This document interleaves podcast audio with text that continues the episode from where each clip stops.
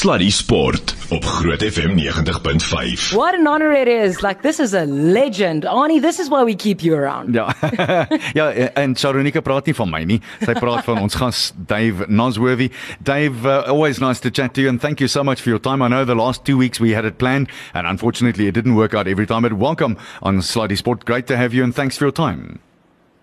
Yeah, thanks, uh, Arnie and Sharonika. Good to be on air. I would take the legend out of it. I think uh, not quite uh, legendary as some in the in the Titans Valley. I want to tell you, for a man who coached where you did, it's legendary. Trust me on this. That's how we feel about it in any case. One thing I didn't uh, realize the last time we spoke, you must have a great Christmas.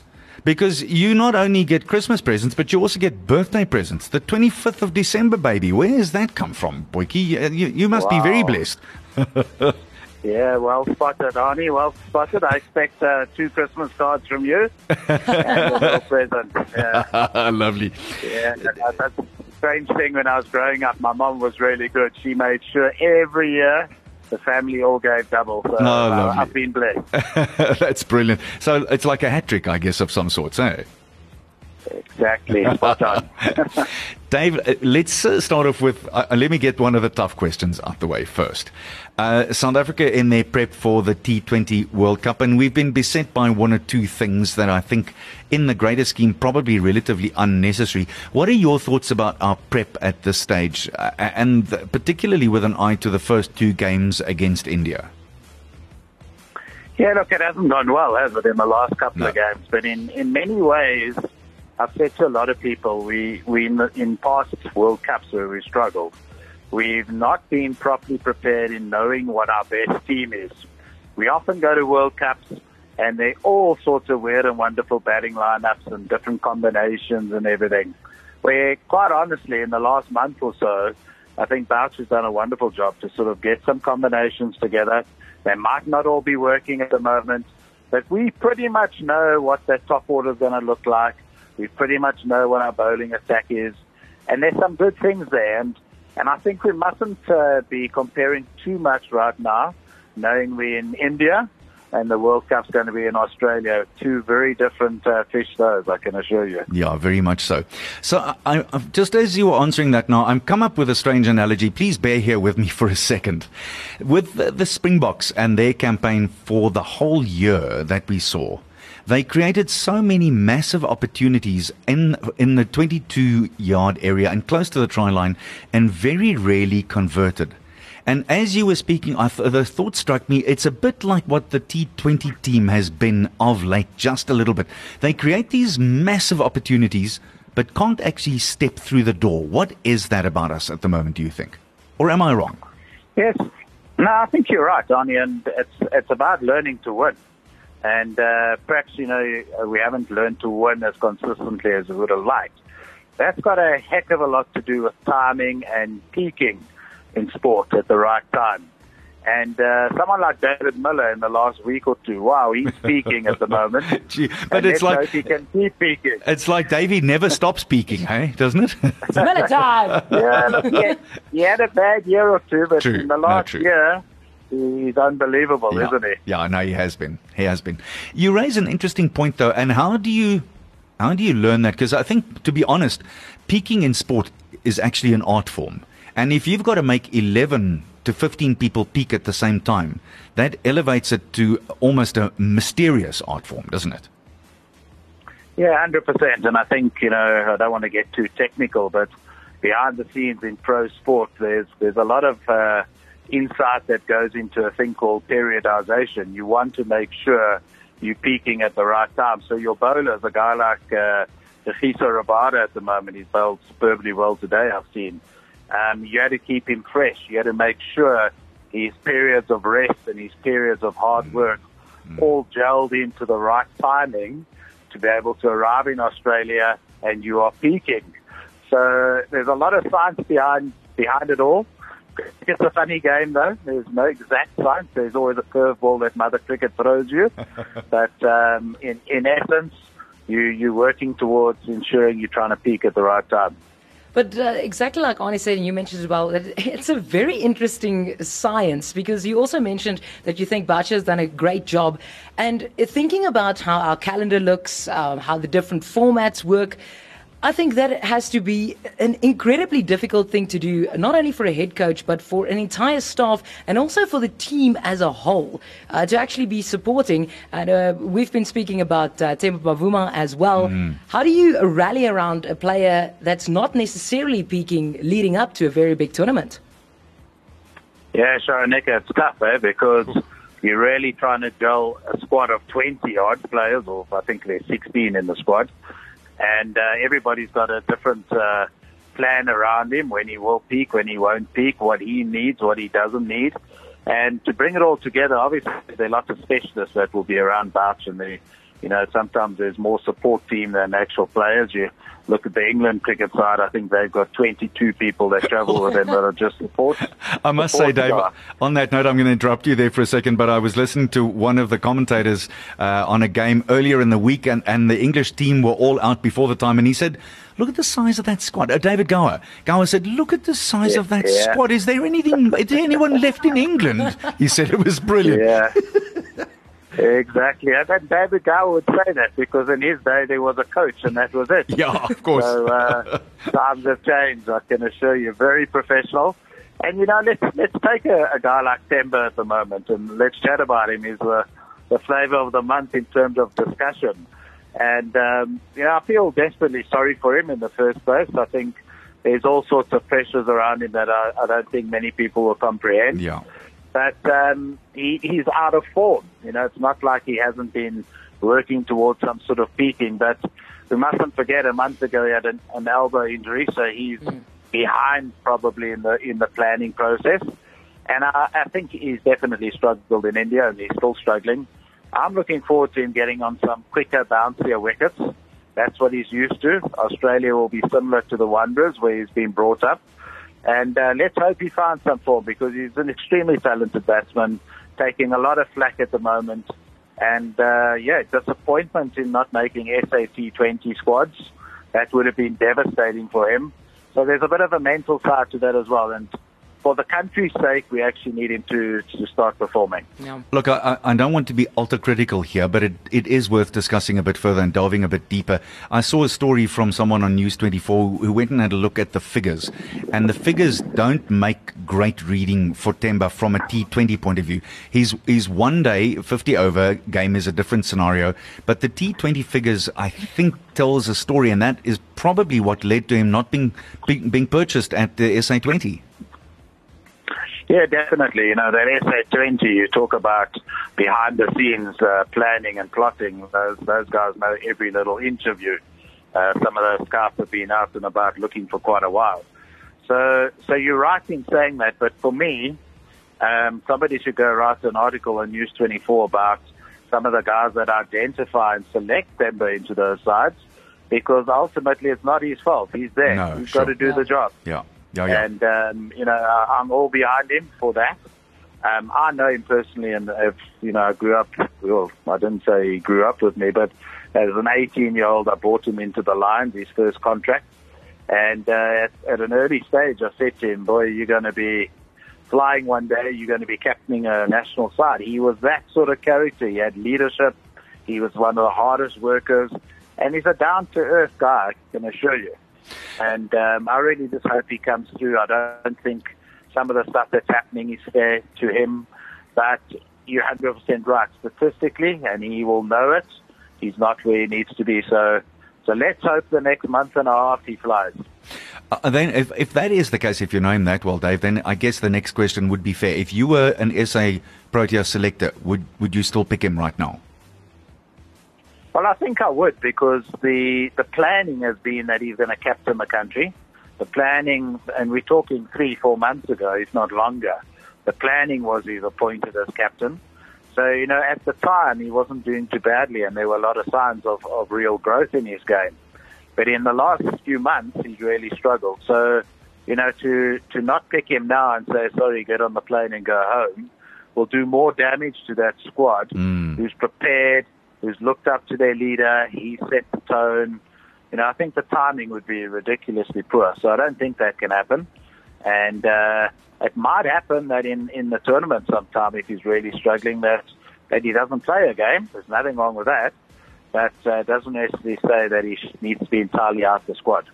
You raise a very interesting point, and I always go back to you. You'll recall the days of uh, Nick Mallett and, uh, and and Bob Skinstad and what happened with Gary Teichmann, etc.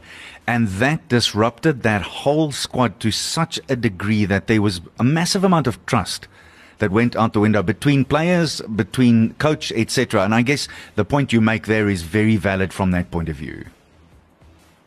Yeah, and I think uh, one of the biggest things around trust is building confidence, mm. and uh, and that's why I'm a big fan of knowing what your team is long before any World Cup, going with it, hitting the ups and downs, because it builds confidence within those players to let them know that you're still backing them no matter how badly they're playing, they're in the squad, and it, it sort of feeds around the whole squad. There's a confidence. Yeah. If you want to win a World Cup, you've got to be confident. That's for sure.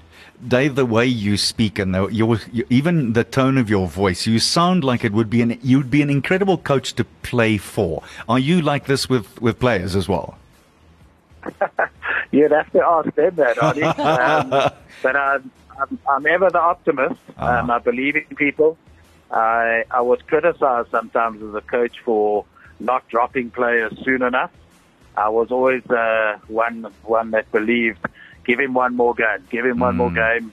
You know, the, you need to let him know that you're believing in him. And nine times out of ten, you know, they came through. And there's a saying in cricket that goes that form is temporary yeah. and class is permanent. Yeah.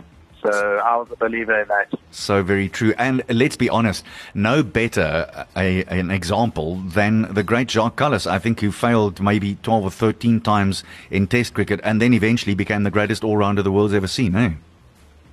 Yeah, 100%. Jacques Kallis in his first eight Test matches, I think he averaged about 12. Mm. And everybody was up in arms calling for his head. And uh, the late Bob Woolmer at the time, and got a lot of respect for him. He was a mentor in many ways for me. Um, managed to convince the selectors to, to keep him going, to keep backing him, and as you say, the rest is history. Uh, just uh, tell me how Bob was a, a, mentor to you. What do you recall of him, and what did you learn from him the most? What uh, do you remember thinking? I want to take that with me to the grave one day. Yeah, Bob was a wonderful man. Eh? Um, I, have got a lot of respect for him. I, I sat with him one day uh, in Pretoria, actually, I was the Titans coach at the time, and he came up and he was watching an under 15 cricket week, believe it or not. He no. was that sort of character that just loved the game, and he was sitting at the Norbans, and uh, I walked around and caught up with him, and we just chatted uh, for hours just about cricket. So he was a giver. Um, he, he wanted to share his knowledge, share the game. And so Bob and I were, were reasonably in contact throughout my career. And uh, the last time I actually spent with him, quite an interesting story, was in Lahore in Pakistan. I was uh, lucky enough to take an SA under 19 side to Pakistan, and he was the captain of, uh, uh, sorry, not the captain, the coach of Pakistan at the time. And we lived in this compound, and every night he would uh, he would call me and say, "Come, you're coming to my room with me. We're going to look at video footage because they were about to tour Australia and." And he was he was a, a an unbelievable coach in so many ways. He was ahead of the game. He had I'll never forget he had video clips up on the screen of uh, Sir Donald Bradman and Ricky Ponting, and he was looking at the different timings of their backlifts and getting very technical. And he told me Ricky Ponting would not score any runs against him in that series because they had worked out that his timings of his backlift was not correct and they would, as bowlers, use the crease and bowl from distant, different distances. And sure enough, Ricky, it was the one series in his life he averaged under 20 or 25 or something. My word. Um, so Bob was ahead of the game um, and a massive loss to the game in many ways. I know that he was one of the pioneers when it came to video work on in cricket, wasn't he? Yeah, well, he was the one that also got Hansie Cronje to pop a microphone into his ear, a receiver, yeah. and uh, he'd be sitting from the side telling Hansie what to do. I think there was a time Hansie took it out of his ear and put it in his pocket because Bob wouldn't stop talking. um, but, but yeah, he, he was uh, full of different initiatives. Uh, talk to me about other coaches and other players that, that would have been influential in your career and that shaped the way that you think about the game. Well, one of the legends there in your valley in uh, the Groot FM Valley is, is uh, Anton Ferreira. Ah, uh, Yogi uh, Bear. Yogi Bear. uh, everybody knows him, and and I think Yogi for me again as a boy, I grew up playing under him in for for Northern Transvaal in those days. He was my captain, and uh, as as I came to the end of my career, he, he's the one that got me involved in coaching in many ways. Gave me a job at the Titans as the head academy coach, and uh, those were the early days of the Titans. So. Yogi Ferreira is, is most probably still, well, he is highly respected in the game. Still, he's still going around the country delivering lectures on cricket and to coaches. He's got a passion for coaches, um, knows the game like no other, I can assure you. And just the character of the game, you know, he's, he's always around. Um, he's always there for you.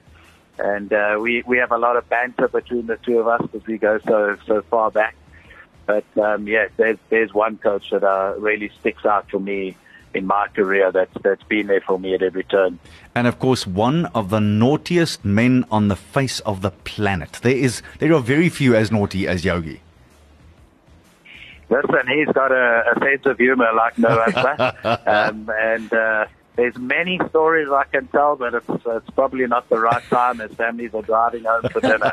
That's a way more diplomatic way of staging it than Arnie did. yeah, no, it's that old what goes on tour stays on tour. And in Yogi's case, that would definitely be better because you'd protect the innocent in the cause if you didn't tell the stories, Dave. David, I think what we're going to do is we're going to take a, a quick break. We're going to listen to a quick song or two, and then we continue on. Sluddy Sport op Groot FM 90.5. Oh my soul. What an absolute like Dave, you said earlier I'm not allowed to call you a legend. I'm very sorry. I will never ever take those words back because I can tell you now if we didn't have anybody that had to broadcast after us, we would sit here till very, Mm, very late I listening to everything that just comes out of your mind. I wish my wife would say the same sometimes. Eh? we'll send her to the recording, Dave. you, you know what they say, Dave? Behind every successful man, there's a surprised wife, you know? So, Exactly, very, very.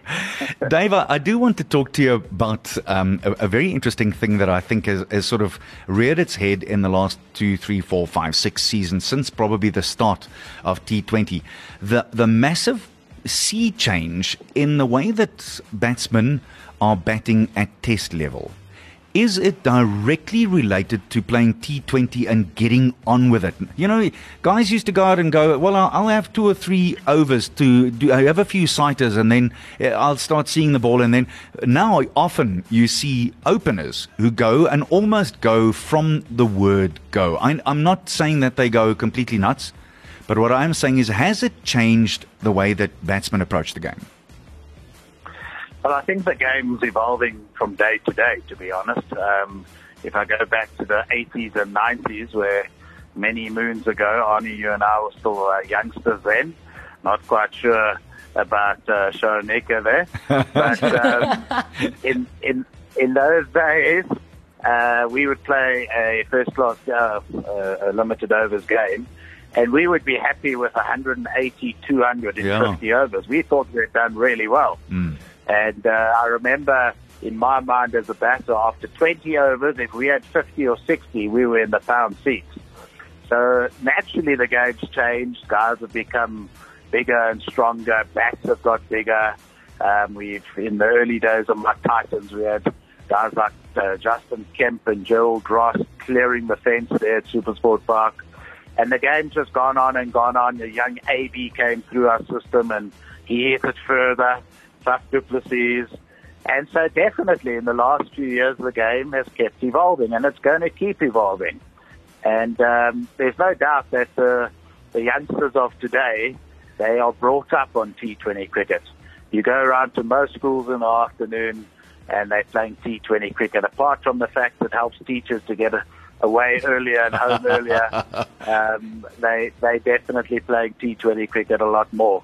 On on weekends, the schools play 50 over cricket, and there's the odd bit of what they call time cricket going on. But these guys, these youngsters of today, um, it boggles my mind sometimes when I, I go to the net and there's guys playing reverse sweeps and laps and all these fancy shots that they used to play, uh, or they now play, um, and they're so skilled. It's amazing. Mm. And and your your question was around Test cricket, and and definitely you start looking at the, the statistics, and the run rates are four four and a half to the over, where it wasn't too long ago.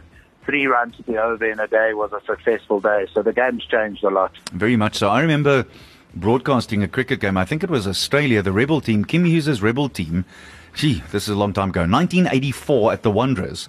And at the end of a, of a test day, when they were at 1.8 or averaging two runs and over for the whole 90 overs of day one, everybody would go, phenomenal batting. Now, if you did that, they'd say, well, were you guys asleep? What, what the heck happened? So I guess it has Yeah. evolved completely, and that is fascinating. On the other side of that coin, though, and I know you're not one, so I, but you you coach them. The bowlers are all going. It's unfair. The boys have got these massive pieces of willow. They smack us, or we travel all the time. It's not fair. Do you agree? And is there something that one could do about it eventually? Do you think? Well, the bowlers today, they walk around, their favorite phrase is, it's a batter's game.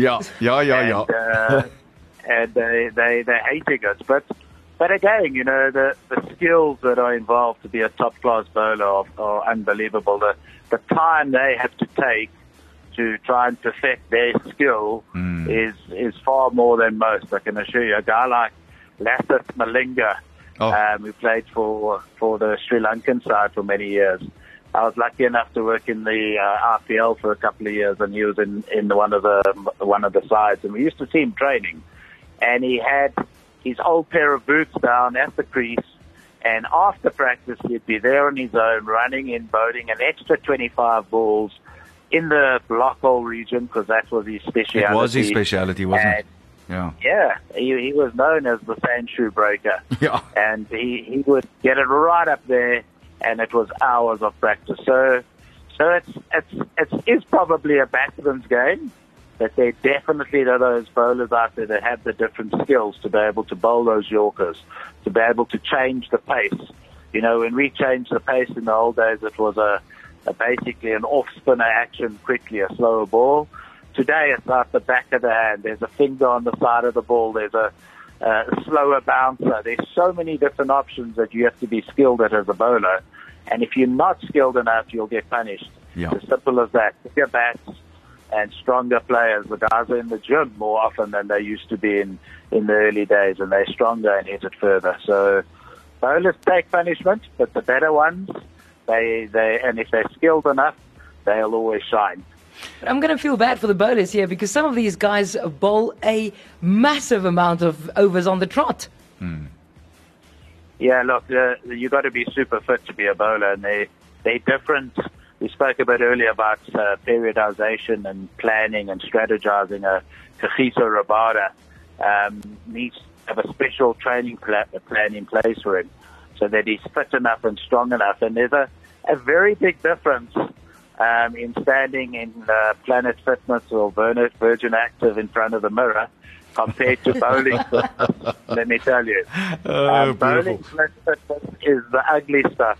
Running in all day, out there in the sun, trying to get your body conditioned to the amount of tonnage that goes through that body in delivery at the crease. And uh, that's why teams have physios and doctors on board, mostly for the bowlers, I can assure you. I've got a radical idea here for you, and I know uh, I I always profess to be someone who loves tradition, and I don't want to scratch with it. But how's this for just a thought? I'll just run, I'll run this by you. Shoot shoot holes in my cheese. Is it going to be fair in time to perhaps give bowlers a ball that already has a roughed upside, so that you have swing bowling from the word go? Does that even things up a little, or is that too radical? Well, some of the things I do with my players when I chat to them is we, we talk about what are the new options. What's going to be in cricket in five years, 10 years, 20 years time? What's going to change? Will something have to come into the game that's different? And maybe Arnie, that's one of them to give the bowlers a little bit more of an option. Maybe we say one ball in the over.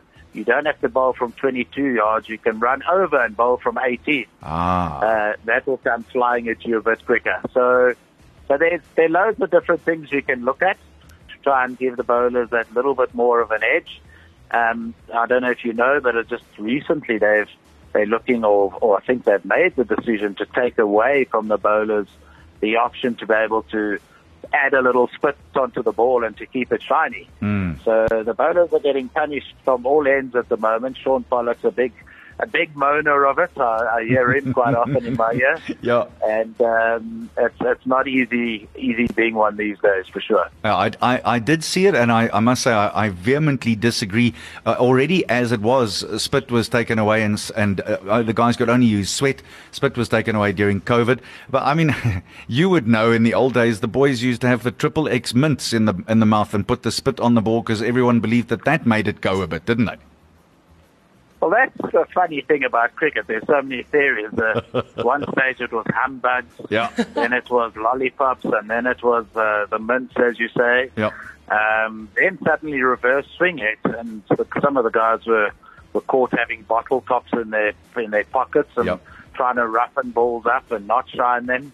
Um, there's been so many theories, and and yeah, I'm a, I'm a fan of of maybe allowing in some way some sort of uh, uh, what do you call it advantage to the bowlers and let them shine the ball and use saliva. I'm, I'm very anti it going Mm. away, to be honest. Totally. And No, I think totally. COVID played a big part in that, Mm. and uh, they took it away. But uh, there's an art to reverse swing bowling as well without the bottle top. There's definitely an art and a skill, and uh, bowlers are being taught that. And, and perhaps in South Africa, I've always said we don't teach our youngsters that early enough because in in the continental, uh, in Asia, in uh, Bangladesh and Sri Lanka and places like that, those youngsters at 16 are reversing the ball. Yeah. And uh, it's a skill we need to get a bit better at. Funny, I was just reading earlier on uh, on Cricinfo a, a beautiful story about Imran Khan and playing in uh, the second league in Lancashire and how he instructed that whole all Ammies, all a whole lot of them, but th- he was the big pro and he went and played four or five games there and uh, he he instructed the whole team to pass the ball to each other on the bounce and that's obviously another way to do it. So there's maybe something else. Look, we can talk about that for forever and a day. Let's chat about uh, after the the T20 series. Um, South Africa is off, uh, and and they're playing against England here in January.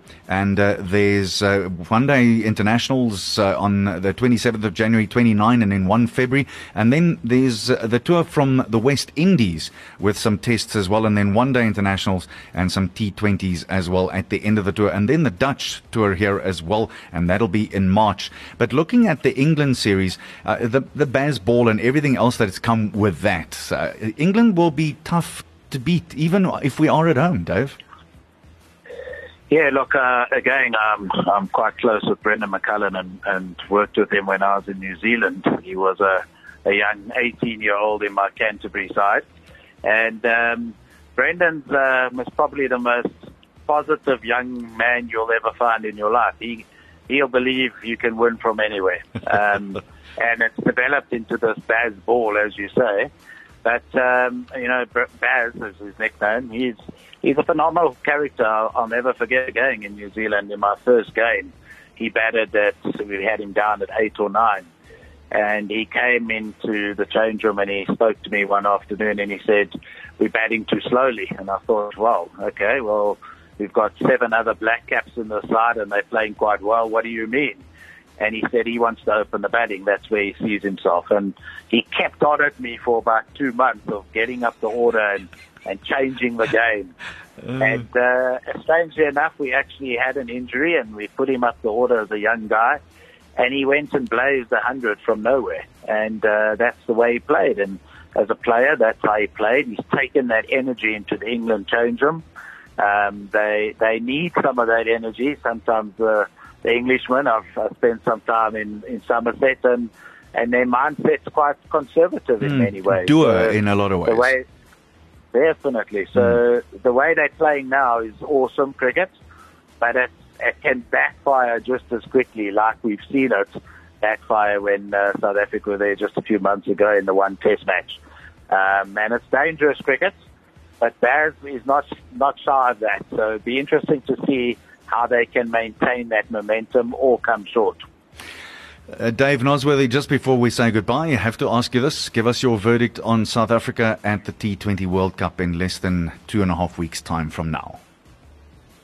So I told you earlier in the conversation I'm ever the optimist, and I would love to see us in the semis.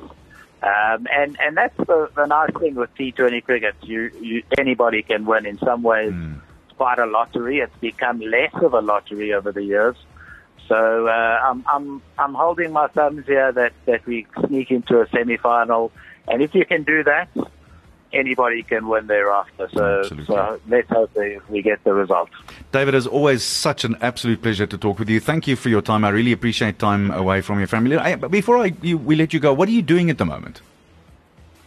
Yeah, so I'm based in Johannesburg. I, I operate uh, my own business called Cricket Mentor, which uh, deals with a lot of the youngsters and um, online quite a lot with some of the international players, just from a mental toughness side of things. Um, also operate as director of cricket at St David's in Johannesburg. So I'm working with some really good youngsters, and I've, I've sort of focused my energies on on the youngsters coming through and the changing and ever evolving game. So thanks for asking. Still very much uh, though doing some work with uh, senior provincial players and and trying to keep my finger in the pie there. But the days of taking teams probably moved a little bit away from that for a while. I don't think that that's the end of it. I'm convinced we'll see you back sooner than what you think. Dave Nosworthy, an absolute honor and a pleasure. Look after yourself and best of luck. Thanks for the insights. We love chatting with you. Thanks, Arnie and Sharon. Nick, have a good evening. Cheers. Bless you. Thank Take you care. so much, Dave. Sluddy Sport op Groot FM 90.5.